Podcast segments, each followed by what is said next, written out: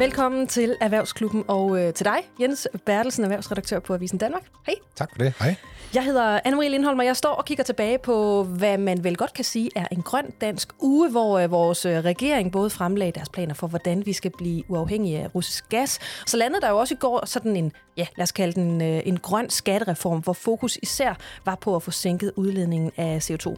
Jens, du fulgte med i pressemødet i går. Hvad, hvad er de største overskrifter, hvor regeringen jo fremlagde altså deres planer for den her grønne skattereform? Altså det centrale, det er jo den her fælles CO2-skat for langt de fleste virksomheder, og det, det skal jo motivere dem til at, at skrue ned for, for drivhusgasserne. Målet det er, at en øh, CO2-afgift skal give en gevinst på 3,7 millioner ton mindre CO2 øh, frem mod 2030. Og det er så omkring en tredjedel af de øh, lidt over 9 millioner ton, der mangler, hvis vi skal nå den her målsætning om, om 70 procents reduktion af udledning af, af drivhusgasser i, i Danmark. Men altså det, vi kom til at tale mest om, det var jo så undtagelserne, hvor en virksomhed som, som Aalborg Portland øh, Danmarks klart største udleder jo, men også øh, Rockwool og Holmegårds glasværker og så nogle af de får en lavere afgift og øh, offentlige støttekroner til at, at finde på nye øh, grønne løsninger. Og det er en betændt sag, fordi nogen vil hellere se, at Aalborg og Portland lukker, fordi så har vi altså løst rigtig meget af vores øh, klimaudfordring. Og andre peger på, at gør man det, jamen så flytter man jo bare den her udledning til, til udlandet, fordi den cement, de laver, den skal vi jo bruge til at bygge huse af. Mm. Og det samme gælder jo de andre, der laver de her mineralogiske processer, som det jo så er, er afgørende for, hvor man er henne i, i kategorierne. Apropos øh, det, så ved jeg jo, at vores øh, politiske redaktør på Avisen Danmark, øh, Kasper Dahl, han var sådan lidt, lidt vrissen. Det virker, om du er enig med mig, Jens. Det er noteret jeg også godt, ja. ja. fra morgenstunden. Fordi han havde sådan en fornemmelse af, at han var på vej til at blive ført bag øh, lyset. Hej Kasper. Hej. du var med på pressemødet i, øh, i går eftermiddag. Blev du så ført øh, bag lyset? Jeg er glad for, at I lægger mærke til det, når jeg er vrissen. Det tager jeg da som et udtryk for, at jeg ikke er det så tit, og det var derfor, I lagde mærke til det. Ja, altså jeg synes jo, øh, altså når, når, når jeg sådan var lidt bekymret, så var det jo fordi, vi allerede øh, om tirsdagen havde hørt, at regeringen ville øh, fremlægge den her, øh, det her udspil til en CO2-skat. Og, øh, og de der havde lavet sådan en, øh, en sproglig øh, variation, jeg ikke havde set dem øh, komme med før, nemlig at de nu begyndte at snakke om en, en CO2-afgift, der skulle være mere ensartet. Tidligere har det jo lyttet, at det skulle være en ensartet CO2-afgift, en, altså en afgift, der var ens for alle virksomheder, ligegyldigt om man var Aalborg Portland eller en, en øh, mellemstor virksomhed, der primært lavede øh, noget med computer for eksempel. Øhm, og, øh, og der øh, skete der simpelthen en skifte i regeringens øh, retorik, øh, fordi de nok er blevet ramt af virkeligheden. Altså, at det er nærmest fuldstændig komplet umuligt at lave en afgift, der skal dække alle typer af virksomheder. Og det var også det, vi så på pressemødet, og en af årsagen til, at jeg måske var sådan lidt i det i det krigeriske og vristende hjørne, nemlig at øh, ensartetheden i, i det her øh, udspil er fuldstændig forsvundet, og man nu arbejder med flere forskellige niveauer for øh, CO2-afgift, alt efter hvilken type virksomhed man er. Men i forhold til det, de så har lovet, fordi det er det, du er inde på der, der, der, der er noget, der på en eller anden måde øh, strider lidt. Kan de sælge den her øh, på en måde, så, så det i hvert fald ud af til ser, ser ud til, at de, de leverer det, de har, ja, de løfter, de har, de har givet til, til befolkningen? Ja, de forsøgte jo i hvert fald på mine spørgsmål på pressemødet at, øh, at sælge det, som om at det stadigvæk var en ensartet øh, CO2-afgift, hvilket blev sådan lidt øh, komisk Jeppe Brus, der stod bag ved nogle plancher, hvor enhver kunne sige, at de tre søjler ikke var ens. øh, men, men i virkeligheden forsøgte jeg jo næsten at give Jeppe Brus, skatteministeren, en mulighed for at aflive den her øh, illusion om at lave en ensartet CO2-afgift, men det bed han altså ikke på. Der blev han, øh, blev han stedig og stod fast på, at, øh, at det altså var noget, der var mere ensartet, og det kan han sådan set have, have ret i, men det er stadigvæk bare ikke ensartet. Og øhm, det er ikke noget, der sådan kommer til at, at holde hverken regeringen eller politikerne på Christiansborg søvnløse. Jeg tror, de partier, som regeringen gerne vil have et øh, flertal med, når de går i gang med, med et forhandlingsforløb, øh, anerkender, at øh, det er ikke muligt at lave en ensartet CO2-afgift. Det ville være fantastisk, hvis man kunne, og det ville lette øh, både staten og virksomhederne for en masse byråkrati, men det, det lader sig simpelthen ikke gøre i en praktisk virkelighed. Der er der alt for stor forskel på, om man er Aalborg Portland, eller om man er en anden type virksomhed, eller for den sags skyld et landbrug, som, øh, som øh, en ekspertgruppe kigger på, hvordan man skal CO2-beskatte, og de kommer med, med deres rapport i, øh, i november. Mm selv hvis vi så ikke kan snakke om det her med at levere noget, der er ensartet, hvad tænker, hvad tænker du så, øh, Jens? Altså, muligvis ikke ensartet, men er det en fair model, altså for alle parter så i erhvervslivet? Jamen, den er jo politisk svær at forklare, som, som Kasper siger, men det er jo den model, som regeringen også er blevet råd til at føre ud i livet.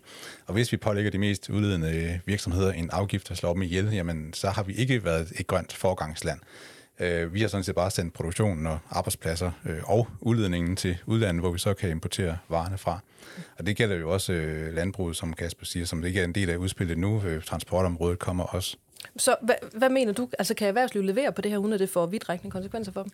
Jamen det tror jeg sådan set øh, godt, de kan. Det er jo ikke en afgift, der kommer bag på nogen, og mange virksomheder er jo selv langt med egne klimamål, og dem bliver de jo så belønnet for fordi øh, et lavere CO2-udslip så gør, at de, de sparer penge på, på bundlinjen nu. Om der så er virksomheder, der knækker nakken på det her, jamen det er der nok, og det, øh, det ser regeringen så ud til at kunne leve med. Det, de ikke har kunne leve med, det er så hele industrier, der forsvinder fra Danmark, som, som det ville ske, hvis man lavede den her fuldstændig ensartede CO2-afgift. Øh, Dansk Erhverv har været ude, de ønskede en sådan mere balanceret model, hvor man på den ene side indfører en, en høj øh, CO2-afgift, og så på den anden side sænker øh, selskabsskatten, fordi så vil virksomhederne jo få flere penge til at investere i grønne løsninger, og når de så reducerer deres CO2-udslip, så bliver de også belønnet med, med lavere afgifter. Mm. Men lige den del har vi så ikke hørt noget om i, i regeringens udspil. Kasper, lige inden, uh, inden jeg slipper uh, dig også, og du skal videre med, med din dag. Uh, jeg hørte dig sige, inden, inden Jens gik i gang med at snakke her, her igen, at, at der er en god sandsynlighed for, at der bliver fundet et flertal for den her, ja, for, for den her plan. Er det sådan, du ser det? Ja, det er det, men, men Jens er jo inde på en af de ting, der kan blive den allerstørste knast, hvis regeringen gerne vil lave et, et meget bredt forlig og ikke kun skal kigge ud mod støttepartierne. Nemlig, hvordan er det, man vil kompensere øh, virksomhederne. De borgerlige, de vil jo meget gerne have nogle, nogle selskabsskattelettelser, mens at regeringen lægger op til, at man, man mere skal give nogle målrettede tilskud, altså så man sikrer, at de midler, man, øh, man sender tilbage til, øh, til virksomhederne, man krasser dem ind med CO2-afgiften, men vil så forsøge at sende dem tilbage til virksomhederne, at de så også går til reelt grøn omstilling. Og det er jo noget af det, der er vigtigt for dels regeringen, fordi de meget gerne vil have den her ret og pligt tilgang fra Socialdemokratiet, at den også kommer til at gå igen i, i sådan et CO2-skattesystem, øh, men også noget, som støttepartierne er, er opmærksom på, at man ikke bare skal give det til, til virksomhederne, så de eksempelvis kan bruge øh, flere af, af de kroner på at, øh, at hæve øh, chefernes øh, lønninger, men at de skal gå til reelt grøn omstilling. Så der vil vi komme til at se en øh, armlægning. Men den her type af politisk udspil og den her type af øh, skattereform og det grønne, det er en af den type aftaler, som det er meget svært for især konservative og venstre at ikke være med i. Altså, de er næsten nødt til at købe hvad som helst for at, øh, at være med i det og kan møde vælgerne med at sige, at vi også har været med i en af de her afgørende og største øh, grønne aftaler, der har været i den her regeringsperiode. Og omvendt, hvis de ikke er med, jamen så kan de jo risikere, at de står med problemet på den anden side af et folketingsvalg, hvis de skulle finde, øh, vinde regeringsmagten, at så er det dem, der har en opgave med at få indført en, en CO2-skat, øh, der er mere ensartet end den, vi har i dag. Så på den måde, så forestiller jeg mig og forventer, at vi vil komme til at se selvfølgelig et klassisk forhandlingsforløb, hvor der er uenighed, men at de nok skal blive enige i sidste ende, fordi det er de simpelthen pisket til. Vi ser, hvor øh, det ender hen. Øh, Kasper Dahl, politisk redaktør på Avisen Danmark. Tak fordi du er med i Erhvervsklubben. Velkommen. Humøret gik i sort hos øh, Netflix efter at øh, streamingtjenesten kom med tal for første kvartal efter lukningen af det amerikanske aktiemarked. Det var tirsdag aften. Det sendte nemlig aktien i frit fald. Den styrtdykkede med 25,7 procent i det eftermarked. Årsagen skal vel findes i, at antallet af kunder i Netflix-butikken øh, faldt med 200.000 i første kvartal, og at Netflix i øvrigt forudser, at det her fald det vil fortsætte på op til 2 millioner betalende kunder i andet kvartal. Altså, jeg synes, de her tal lyder lidt vilde. Jeg er ikke helt sikker på, at de egentlig kan passe. Altså, jeg troede i hvert fald, jeg læste forkert. Hvad, hvad tænker du om det, øh, det regnskab, du så, Jens? Om det er der vilde tal, øh, Netflix, der har kunne gå på vandet, øh, at de pludselig mister kunder for første gang i, i over 10 år. Det hører så også med, at de med et hug mistede 700.000 russiske kunder, fordi de, lukkede for tjenesten i Rusland på grund af krigen i Ukraine. Men altså, som du siger, de forventer jo også et fortsat fald. Øh, så så det, det er der nye tider for, for Netflix, og jeg synes også altid, det er spændende at lige at kigge ind i, i tallene, at de, det er så stadigvæk en forretning, der omsætter for 54 milliarder kroner på tre måneder, og, og tjener et overskud på, på 11 milliarder kroner, så, så, så det er en, en stor virksomhed. Så helt så ringe er det heller ikke, men med på, med på linjen, der har vi øh, også Per Hansen, aktieanalytiker hos øh, Nordnet. Hej Per. Hej, og Tak fordi jeg igen må være med. Det er altid en fornøjelse. Ja, det er så. Er du, øh, er du overrasket over de her tal, altså især Netflix's øh, egen fremtidsprognose? Ja, man kan sige, at nu skal man passe en lille smule på. Det er jo 200 millioner kunder. Det er plus minus 200.000 500.000, 2 millioner, alt afhængig af, hvad det er for en størrelse, man kigger på, om man kigger på indeværende, korrigeret for, hvad der sker i Rusland, øh, mm. øh, og så videre, og så videre. Men prognoser er jo prognoser, og virkeligheden har jo vist sig at være svært at ramme, og det er altså rigtig, rigtig svært at ramme, hvor mange nye kunder man får ind i et kvartal, når man har en base på 200 millioner. Det er sådan, at når man kigger på de amerikanske streamingtjenester, og det er sikkert ikke øh, sådan i Danmark også, men det nærmer sig måske lidt. Der har de amerikanske husholdninger, de har øh, fire til fem forskellige streamingtjenester i gennemsnit. Og øh, der er der altså sådan en churn, altså kunder, som vælger den enkelte streamingtjeneste til eller fra i et kvartal på et sted mellem 3 og 10 procent per måned. Så derfor så skal man øh, måske også se de her ting i sådan et, et stort perspektiv. Man skal passe på, at man ikke bukker sig for dybt i detaljen. Men, men det er rigtigt, når det her er sagt, at tendensen den ser lidt skidt ud. Og når aktiekursen i eftermarkedet så ud, som om den skulle bankes 25% ned, men sluttede faktisk 35% ned, så er det fordi investeringscasen i Netflix, den har været vækst, vækst, vækst, og det har drejet sig om antallet af nye kunder. Men jeg synes, det her streamingmarked, øh, det virker meget, øh, meget kompleks, og især for, for Netflix faktisk. Altså, fordi nu er der de her pointer, du er inde på med den her churn, men hvor meget af det her øh, skyldes også, at Netflix for nylig jo har hævet prisen på deres abonnementer igen, fordi så vidt jeg kunne læse mig til, så gav det også en ret massiv og kontant afregning fra, fra abonnenter, der faldt fra.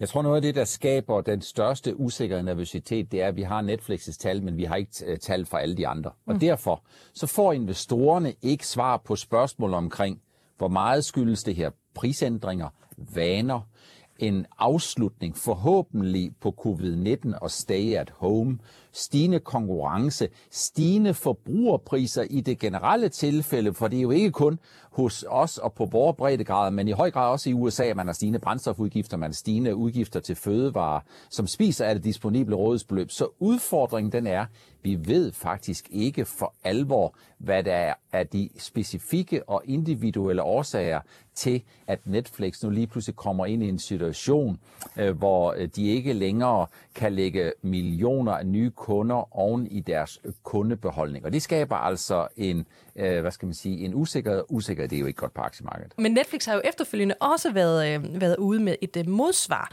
øh, fordi de sådan set har sat nogle ting i, i værk for at planlægge at øh, forhindre den her udvikling. Hvad, hvad er det, de er ude og, og, og sige, at det, det her, det, det byder de så ind med?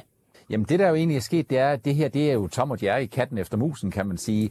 Øh, hvis vi kigger på udviklingen i Netflix, så har det jo været sådan, at alle de andre inden for den her gruppe, de vil gerne være ligesom Netflix. De vil gerne have streamingkunder ligesom Netflix. De vil gerne have, at de har den her abonnementsforretning, og det er uanset om det er Disney Plus eller Paramount Plus, eller det er Apple, eller det er MGM med Amazon, eller HBO, eller hvem det nu er, øh, der er tale om, så vil de jo egentlig gerne bare være en Netflix, have den Netflix Netflix udvikling have de her abonnenter, 100-200 millioner, som betaler et fast beløb hver eneste måned. Øh, så det, der er sket egentlig, det er, at konkurrenterne kigger efter Netflix og vil gerne være ligesom Netflix med den tilføjelse, at, at øh, de også udbyder et billigere produkt, fordi noget af det her, det er jo også, hvor prisfølsomme er forbrugerne egentlig, og hovedparten af de andre udbyder også et reklamefinansieret, medsponsoreret produkt. Og det er måske også noget af det, som Netflix kommer til at kigge på. Ikke kun, at de har et premium-produkt, som er ret dyrt, men de også får nogle alternativer, hvor man kan sige, konkurrenterne har kigget efter Netflix. Nu kigger Netflix efter konkurrenterne. Men altså, ting tager tid, og det vil det også gøre for Netflix at stabilisere. De bliver ikke kortvarigt hårdt ramt på indtjening, fordi det her handler faktisk ikke særlig meget kortvarigt om indtjening. Det handler om kundevækst og indtjeningsvækst. Og det, som har drevet aktien, det har jo været vækst i nye kunder, og det som formentlig kommer til at blive afgørende, når vi kigger et til to år ud i tiden, jamen det er jo, at Netflix skal til øh, og måske at have færre nye kunder. Til gengæld så skal de tjene noget mere på de kunder, de har. Og så nævner de jo, at de har 100 millioner sortseere, så de skal vel have det, der hedder Netflix pejlevognen, skal køre ud for at se, hvor mange der nu deler øh, passwords. Og så er det vel også sådan, at øh, i og med, at de vil gå lidt efter nogle af de her ting, så kan de vel måske spise lidt af den her, de her pirattjenester, som måske streamer noget uden sådan for alvor at betale ved kasse 1. Men Jens, den her udvikling, øh, nu ved vi jo af god grund jo ikke rigtigt, hvordan det går med de andre streamgiganter. Den, øh, det, det, det venter der også øh, at finde ud af. Men, men den her udvikling gælder vel ikke kun for streaming? Altså, hvad forventer du, der sker med alle de abonnementer, øh, som vi jo helt generelt har indkøbt, især i stor stil de seneste par år? Ja, det er jo det, som private økonomiske rådgiver siger som noget af det første, hvis pengene er blevet små. Altså, mm. Altså tjek lige, hvad du har af abonnementer, fordi der er, meget, der er mange, som uden at tænke over det, har opsamlet den ene tjeneste efter den anden, og som man troligt betaler til måned efter måned, måske uden lige at, at kan huske det. Øh, og det er jo også det, som har gjort den her abonnementsmodel så, så attraktiv, øh, både inden for film og musik, men jo også nyheder og øh, fitnessabonnementer, hvis vi lige skal tage dem med os. Øh, og mange af dem, der har opbygget sådan en abonnementsmodel, de har jo grund til at være bekymrede nu, fordi man kan relativt hurtigt sætte sig ned og, og opsige en stribe af dem, og så har man jo pludselig fundet øh, 500 eller 1000 kroner øh, eller mere øh, skattefrit til sig selv hver måned. Men Per, nu hørte jeg dig jo sige lige før, øh, det her med, om det i virkeligheden ikke, øh, om virkeligheden for Netflix ikke bliver den, at de skal satse på måske færre abonnenter, men til gengæld, at de vil betale færre eller betale øh, mere for deres abonnement. Øh, men det helt store spørgsmål for alle os forbrugere, det er jo, at når vi ser ind i den her fremtid for streaming, hvor pengene bliver færre, kommer prisen på abonnementet så til at stige, eller altså fordi flere falder fra, eller falder prisen, øh, når konkurrencen om brugernes gunst stiger? Hvad, tænker du, der kommer til at ske i det her marked? Jeg tror, der er rigtig mange øh, faktorer i spil. Jeg tror, det er noget, det hvis, hvis inden at man nu får alt for meget julelys i øjnene i relation til, at det skal blive meget, meget billigere at streame, så skal man huske på, at kampen om streaming, den handler jo om kampen om indhold.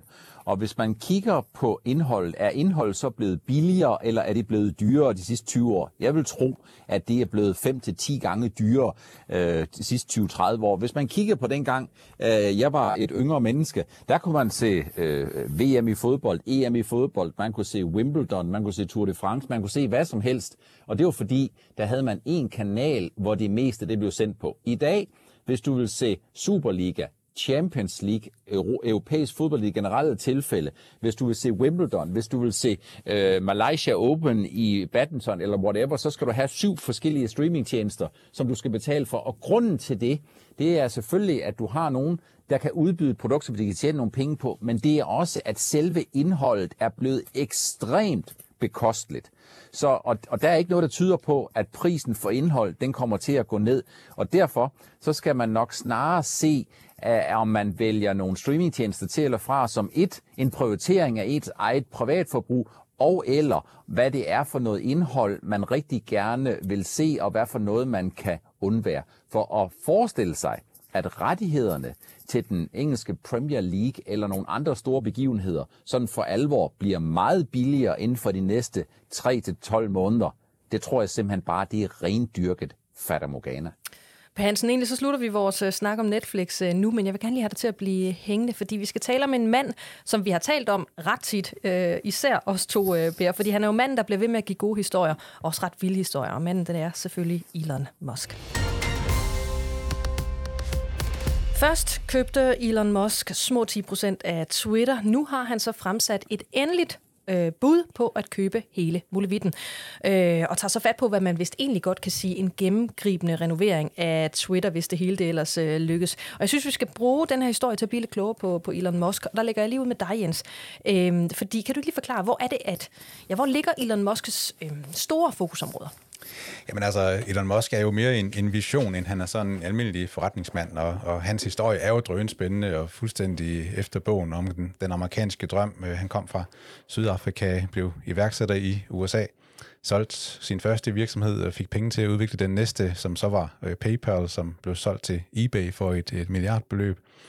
Øh, så skaber han Tesla, som mange jo elskede og havde, fordi den her visionære iværksætter, han brællede rundt om den her fremtid uden fossile brændsler, og alle skulle køre i elbiler. Og så nu, hvor de sidste skeptikere i hvert fald har indset, at Tesla har solgt millioner af biler, og, og har fået vagt en, en slumrende bilindustri til, til live, så, så de, de store, gamle, seriøse aktører, de, de jo også er nødt til at omlægge til, til elbiler. Øh, og det skulle jo så være nok til at fylde en, en kalender, skulle man mene. Han siger selv, at han har 120 timers arbejdsuger. Øh, og så er der også tid til at opbygge et, et rumprogram, øh, SpaceX, ja, som jo dybest set handler om at sende mennesker til, til Mars. Øh, og det er der også blevet rystet på hovedet af. Men, øh, men nu er det altså Elon Musk, der, der på vegne af NASA flyver amerikanske astronauter til, til månen. Og når vores egen Andreas Mogensen skal ud på sin næste rumrejse, jamen, så er det jo også som pilot på en SpaceX-mission til næste år, så, så der er ikke så meget øh, pjat i det. Per Hansen, øh, ham her, Elon Musk, han sender jo med succes de her rumraketter ud i, i orbit. De er billigere, de er genanvendelige, og så planlægger han at etablere den her koloni på Mars, hvor mennesker de kan bo, altså også for at aflaste planeten Jorden. Han har banet vejen for elbilernes øh, udbredelse over hele verden, som Jens er inde på. Hvordan i alverden passer Twitter så ind i den her portefølje? Det er et godt spørgsmål. Altså, hvis jeg lige skal starte med at regne lidt ud på Jenses 120 timer, så svarer det til 17 timer om dagen, og så er der en enkelt i overskud. 7 gange 17 er jo 119. Ja, sover så man sige, han, han har, han sover aldrig. Elon Musk, han sover aldrig hverken øh, med hensyn til øh, øh, Tesla eller noget som helst andet. Men man kan sige, han er jo, han er jo frihedens vogter. Han er jo, ligesom Jens han siger, han er jo drømmen, den amerikanske drøm, hvor man kan det, man vil, og hvor det, det der er farligst, det er egentlig at stille sig i vejen, fordi så bliver man altså skåret over på midten. Så øh, må ikke, at hans idé er, at han vil gøre sådan en eller anden form for Twitter til alles talerør uden censur, og det er jo det, som den amerikanske drøm sådan handler om. Alle skal kunne noget, og det handler om at sætte virketrangen fri. Okay. Men der er jo mange, der, der spekulerer i, hvordan han egentlig vil sikre sig Twitter, fordi hele processen har jo ikke været sådan uden bum på vejen, kan man sige. Modtagelsen af hans aktiekøb og efterfølgende bud øh, på Twitter har jo ikke været udelukkende gode. Hvad er hans muligheder der? Ja, man kan sige, at direktionen i, øh, i Twitter er vel lidt forbeholdt af tre årsager. Elon Musk han er jo en loose cannon. Det tror jeg ikke, der er to forskellige holdninger til. Så direktionen Øh, skal jo varetage, og bestyrelsen skal varetage aktionærens interesser. De skal forsøge at maksimere værdien. Og direktionen kan vel også meget nemt risikere at blive historie, hvis de i den der proces, der kører nu, lægger sig for meget ud med Elon Musk, så kan det meget vel være, at han tænker, at den fremtidige direktion, den skal være uden den nuværende direktion. Det er jo fuldstændig ligesom når der ansættes en ny træner i, på et fodboldhold, så giver det samtidig ændring, eller anledning til en ændret holdopstilling, og det giver anledning til, at nogle af de spillere, som er i klubben i dag, de skal sælges, og så skal der købes nogle andre til. Så må man bare sige, Elon Musk, for ham er ingen udfordring for stor. Men han er jo også blevet beskyldt for, for børsfusk, altså i forbindelse med det her øh, Twitter-opkøb. Altså fordi han ventede for længe med at oplyse, at han havde købt, og det var lige under 5% af Twitter-aktierne, så i stedet så købte han så, han ventede lidt tid, så købte han de resterende aktier, og så meldte han ud, øh, at han havde købt aktierne, og det fik jo så aktien til at stige med, i hvert fald på daværende tidspunkt, 30%. Er det, som du ser det, øh, er det børsfusk? Nej, det er det ikke. Øh, det er sådan, at reglerne de er sådan set ret klare. Jeg tror, at reglerne i USA er ligesom de er i Danmark, eller reglerne i Danmark er ligesom i USA.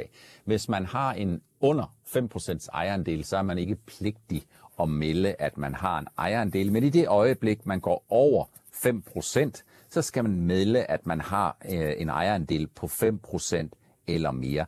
Det er altså sådan set ikke forbudt at købe 4,99% af nogle aktier, øh, og så købe øh, de resterende øh, 5%, som man får, de her 9-10%, som han har, og så offentliggøre det. det. Det er der sådan set ikke noget, noget forbudt i. Altså Elon Musk har jo historisk været på kant med de fleste. Han har været på kant med den amerikanske Securities and Exchange Commission. Han har kaldt dem for nogen, der går øh, shortsælgernes ærne øh, og alle mulige andre ting. Og så en gang imellem, så, så får han jo sådan en bøde på, øh, jeg tror den sidste han fik i 2018 eller 2019, det var 20 millioner til Tesla og 20 millioner til Elon Musk, og det er sådan en bøde, man forhandler sig frem til, lidt ligesom når man forhandler om køb af en brugtbil på den blå avis. Man sidder og kigger lidt på, hvor meget, hvor meget kan man betale, sådan så man giver øh, dem, der har gjort noget forkert, en ordentlig rap over næsen, uden at sådan for alvor øh, slår dem ud af kurs. Så man må bare sige, Elon Musk, han er en enfant terrible, men det, at man først køber en portion aktier, så køber en portion aktier mere,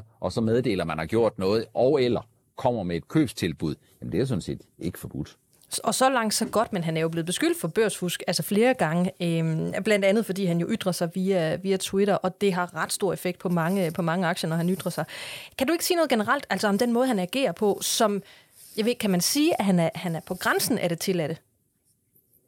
Jamen, det er jo sådan, når man går sine egne veje, og når man har sådan en enorm virketrang, som han har, så er han fokuseret på sine egne idéer. Og så er det jo ikke sikkert, at en øh, 180% iværksætter nødvendigvis er 180% fokuseret på processer, øh, og hvordan de der ting, de, de udvikler sig. Så derfor så kan man bare sige, at øh, han har en idé, og han tror på den, og hvis han arbejder 120 timer om ugen, som Jens han øh, nævnte, jamen så kan man jo egentlig bare sige, at øh, så er der bare der er bare fuld gas på. Øh, øh, batterierne, øh, undskyld mig udtryk, de er sådan set bare altid lavet helt op. Men lad os lige se lidt på, øh, hvordan det så egentlig går for, for Elon Musk. For på, på, øh, der, kom, der er jo faktisk nyt. Øh, i, øh, I går aftes, der landede der et øh, regnskab for Tesla. Hvad, hvad udlagde du af, af det, Per? Jamen regnskab for Tesla, der kan man sige, at regnskab for Tesla var lidt mere, var lidt vigtigere for investorerne i det generelle tilfælde end normalt. Og det skyldes, at det blev præsenteret en dag, hvor investorerne de skulle lige øh, sluge en, øh, en, et dårligt regnskab fra øh, Netflix. Aktien faldt 35 procent, og øh, aktien er, har, fald, har tabt to tredjedele af sin højeste børsværdi, værdi, som den øh, fik i 2021. Samtidig skete der det, at en lang række af de lidt mindre aktier, øh, som har været på en himmelrejse øh, indtil og med øh, første halvår 2021, også har fået temmelig store klø. Zoom, Shopify, øh, Roblox og hvad der ellers findes. Så derfor så var det ret vigtigt, at øh, Tesla og Elon Musk leverede nogle tal, som i hvert fald ikke gjorde investorerne mere nervøse. Vi, vi kendte sådan set øh, basically hovedparten af tallene mål på omsætning. Og det, og det er jo ikke fordi, jeg har tallene, men det er fordi Elon Musk og Tesla har for vane ultimo kvartal, før regnskabet kommer og siger, hvor mange biler man har leveret. Og derfor så kan man nogenlunde se, øh, om man kommer ind i nærheden af den omsætningsforventning der. Men det er jo ikke noget givet, at det også, at den omsætning der også finder vej til bundlinjen, fordi også Elon Musk og Tesla har jo måttet acceptere, at det er dyrere at få transporteret komponenter rundt omkring i verden. Det er dyrere at få transporteret biler rundt i verden. Og det har også været dyrere at købe nogle af de mikrochips, som der har været mangel på, og hvor priserne de er steget. Og overordnet set, så må man sige, Elon Musk kan jo ikke bære hele aktiemarkedet. Elon Musk kan jo ikke genskabe den her eufori, der har været i udvalgte vækstaktier de sidste 10 år, vel basalt set, og som har været særligt tydeligt de sidste to år. Men det han i hvert fald kunne gøre, det var, at øh, indtjening lå dramatisk over det forventede, så han kunne i hvert fald på en i øvrigt noget urolig og nervøs dag, der bidrog Teslas regnskab ikke til at accelerere den her nervøsitet. Og i forhold til Elon Musk's øh, bundlinje, altså så han, det ændrer vel ikke ved, at han stadigvæk bare er verdens rigeste mand? Han er verdens rigeste mand. Han er jo, uanset hvordan man vender og drejer det, så er han en fuldstændig fantastisk enfant terrible. Han er en fuldstændig fantastisk person, som sætter gang i meget, og som helt sikkert også deler vandene. Ja, der er innovation i, uh, gemt i ham i alle ledere kanter. Jens, lige her til sidst, kan vi ikke runde det her SpaceX-projekt af? Altså, uh, hvordan vil du karakterisere det? Jamen, det er jo bare et eksempel på, at det er dybt spændende at have sådan en mand som, som verdens rigeste ja. mand, fordi han har de her øh, drømme, og så kan han også øh, faktisk føre dem ud i livet, og han har øh, mulighederne for det. Og, og det er jo bare med til at også at give ham den, den anerkendelse, som, som, som så kommer med en vis forsinkelse. Han er blev kort til årets person, både af Financial Times og Time Magazine her øh, kort før, før jul. Så, så selvom, altså Per er inde på, det, han er lidt kontroversiel, og vi, vi har måske en rygmavsreaktion af, at det kan også blive lidt for meget, og nu vil han sætte sig på, på Twitter. Mm Øh, kan vi lide, at han, øh, verdens rigeste person, sætter sig på, på et af de største sociale medier, hvor millioner af mennesker henter deres nyheder? Jamen, det tror jeg godt, jeg kan. Jeg, og jeg, ved, kan ikke rigtig, jeg kan ikke rigtig forklare, hvorfor, men det tror jeg godt, jeg kan. det, nå, den kan, vi, den kan vi lade hænge lidt. Det er, fordi jeg har set den her dokumentar om, øh, om øh, SpaceX-projektet, som ligger på Netflix, apropos. Øh, og den kan jeg faktisk godt anbefale, hvis man vil være lidt klogere på hans ambitioner. Øh, men jeg blev faktisk ikke rigtig klogere på, om jeg synes, at han er gal eller genial, eller i virkeligheden øh, begge dele. Og apropos derfor jeg er lidt forundret over, at jeg alligevel, det tiltaler mig, at det er ham, der skal stå for, for Twitter. Men hvad synes I? Altså, er han gal, genial eller begge dele? Hvad tænker du, Jens? Jamen, øh, der tror jeg, at du har fat i noget. Altså, jeg tror, vi synes, han er, han er mere genial, end han er gal, og det skyldes jo, at han rent faktisk øh, han eksekverer jo på de her visioner. Han har skabt noget stort, og så er man altså ikke gal i mine øjne. Og hvad med dig, Per? Jamen, jeg synes jo, at hvis jeg skal vælge mellem gal eller genial, så vælger jeg klart genial. Ja, godt. Øh, tusind tak til jer begge to. Tak, Per, fordi du var med i Erhvervsklubben igen. Tak, fordi jeg måtte være med igen. Det er altid en fornøjelse.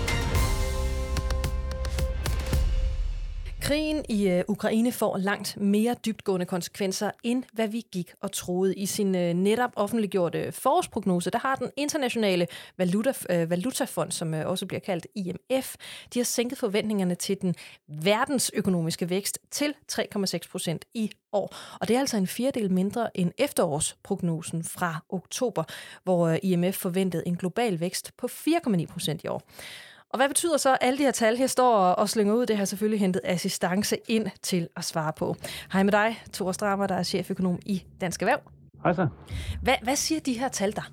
Jamen, det er meget bemærkelsesværdigt, at øh, en kun tre måneder gammel prognose fra IMF nu bliver nedjusteret ganske betragteligt. Øh, det er bestemt ikke hverdagskosten så store øh, nedjusteringer af prognosen på kun tre måneder. Og det skyldes selvfølgelig, at vi har øh, en krig i Ukraine, der giver øh, voldsomme rystelser i, igennem øh, verdensøkonomien. Øh, dels på grund af den usikkerhed, det giver, øh, men også på grund af, at det har givet ekstra luft under energipriserne og en lang række øh, råvarepriser, og det giver altså stigende inflation og stigende omkostninger for erhvervslivet. Og det er noget, der trækker øh, vækst ud af økonomien. Og det er altså et omfang, så, så øh, IMF har været ude med den, med en helt stor rettepind og skruet ned for, for forventningerne til, til væksten, øh, både i år og faktisk også næste år. Og når du kigger på det, altså hvor bekymret er, er du så? Altså fordi jeg ved, at den her prognose øh, fra netop øh, IMF eller IMF, det, det fik dig til at lyde ekstra dyster her i ugens løb. Ja, altså det er jo øh, en af de første rigtige prognoser, vi har til rådighed efter øh, Ruslands invasion af Ukraine. Og øh, jeg vil indrømme, at jeg tror måske, at, at øh, IMF er en kende for øh, negativ, men, men, men det, det illustrerer blot, at øh, usikkerheden er enormt stor i øjeblikket. Vi ved faktisk ikke, hvilke implikationer øh, krigen i øh, Ukraine får for, for resten af Europa og for verdensøkonomien, men øh, foretegnet er bestemt øh, negativt. Kigger vi herhjemme, så kan vi sige, at jamen, vi havde jo 2021 øh, med, med fantastisk økonomisk aktivitet herhjemme. Øh, rekordhøj beskæftigelse og en ledighed, der virkelig bragede ned, og øh, mangel på arbejdskraft og det slige. Øh, men vi kan også se, at de økonomiske nøgletal, vi har til rådighed her på den anden side af invasionen, de er meget dystre. Øh, vi fik i dag tal for forbrugertilliden, der, der faldt til det laveste niveau siden 1988. Øh, der er også andre indikationer på, at øh, særligt erhvervsliv begynder at se mere bekymret på fremtidsudsigterne. Så jeg tror, vi skal berede os på, at øh, der kommer noget modvind, øh, både til privatforbruget og eksporten i den kommende tid, og vi ikke får så høj økonomisk vækst her i 2022, som vi øh, ellers har været vant til i, igennem særligt sidste, seneste, eller sidste halvår 2021. Men Tore, kan du sætte nogle, nogle ord på, altså, hvordan er kvaliteten af sådan en IMF-prognose? Vi, vi får jo virkelig mange prognoser. Er, er der sådan en særlig grund til at lægge mærke til dem? Er de specielt dygtige, eller hvad, hvad, hvad tænker du? Jamen altså, IMF, det, det er øh, svaret på øh, prognoser fra Nationalbanken og Finansministeriet herhjemme, når det kommer til den globale økonomi, så de er toneangivende. Øh, det er nogle, øh, nogle af de, øh, en af de prognosemager, der, der helt klart er højst i hierarkiet. Øh, Øh, så det bør gøre genlyd, øh, eller give genlyd, når, når IMF de går ud og skruer ned for, for, for, øh, for forventninger til den økonomiske aktivitet. Øh, men igen, er usikkerheden er stor. Men jeg, jeg synes, der er god grund til at være bekymret, fordi at vi er altså et sted nu, hvor, hvor øh, der er rigtig mange ting, der begynder at tynge den økonomiske aktivitet. Øh, vi har en inflation øh, herhjemme på den gode side af, af 5%. Det er den højeste inflation i, ja, i 40 år. Det samme gør sig faktisk gældende i, i resten af Europa. Kigger vi mod USA, så er inflationen øh, retning mod et niveau på, på 10%. Renterne øh, er begyndt at stige rigtig meget. Og, så, og så, så har vi bare en situation, hvor der er ja, øh, den her geopolitiske usikkerhed, som også giver noget øh, grus i maskineriet. Og det trækker altså alt sammen i retning af, at, at, at, at aktiviteten i økonomien, den, den, den, den, den bliver mere træ, og der er faktisk en risiko for, at vi får en anden recessionslignende tilstand i, øh, i Europa her i løbet af, af 2022. Så selvom at vi stadigvæk taler om en generel øh, vækst, altså så er væksten, øh, det vi så taler om nu, den er simpelthen for, øh, den er simpelthen for lille til, at, at som du ser det, det hele kan, kan forholde sig over den der, øh, ja, altså hvor, man, hvor det begynder at blive for mærkbart. Ja, altså det er i hvert fald risikoen Øh, men, men igen, man skal, man skal, vi skal jo også lige huske på, at, at, at udgangspunktet for, for særligt dansk økonomi er jo ekstremt stærkt. Øh, rekordhøj beskæftigelse, øh, meget høj økonomisk aktivitet i slutningen af 2021, og så har vi bare det, som vi økonomer kalder for stærke balancer. Øh, det her, hvis vi kigger på os øh, danskere, vores private økonomi er, er bundsolid øh, efter en periode, hvor vi har øget opsparinger under coronakrisen. Øh, konkurrenceevnen, altså virksomhedens konkurrenceevne, er også stærk. Og så har vi en offentlig sektor, der også har et, et, et stort økonomisk råderum at gøre godt med. Så vi har, vi har et godt udgangspunkt til at kunne øh, imødegå den her øh, økonomiske modvind, der kommer fra, fra krigen i Ukraine, den stigende inflation. Øh, men når det er sagt, så skal vi nok berede os på, at, at, at der, der, bliver noget, der bliver noget modvind, der gør, at aktiviteten kommer til at gå ned i gear. Men jeg tror bestemt ikke, og det skal jeg også lige sige, at jeg tror ikke, altså bunden går ikke ud af dansk økonomi. Vi kommer ikke til at se en periode med kraftigt stigende arbejdsløshed eller fald i beskæftigelsen.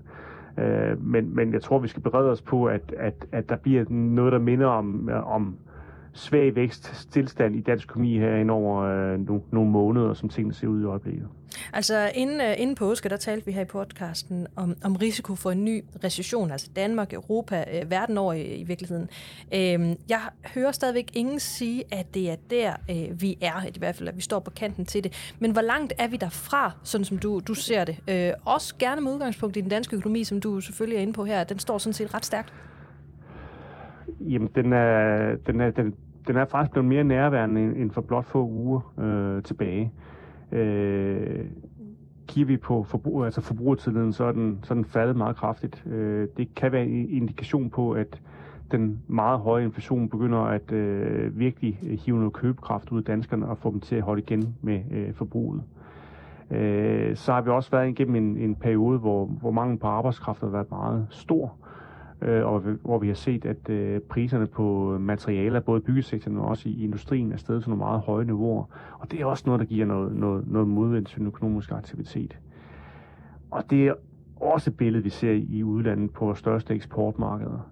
Og så har vi den her stigende rente oveni. Øh, så, så jeg vil sige, at der er mere og mere, der taler for, at aktiviteten den, øh, vil løje af øh, i, i, i dansk økonomi, men også i, i resten af Europa. Mm. Og så spørgsmålet er, hvor, hvor kede er, at vi skal være det. Fordi altså, vi skal bare huske på, at dansk økonomi har øh, i en periode befundet sig i en, en højkonjunktur. Vi har haft en økonomisk aktivitet, der, der simpelthen er, er højere end det potentiale, der sådan, så at sige er.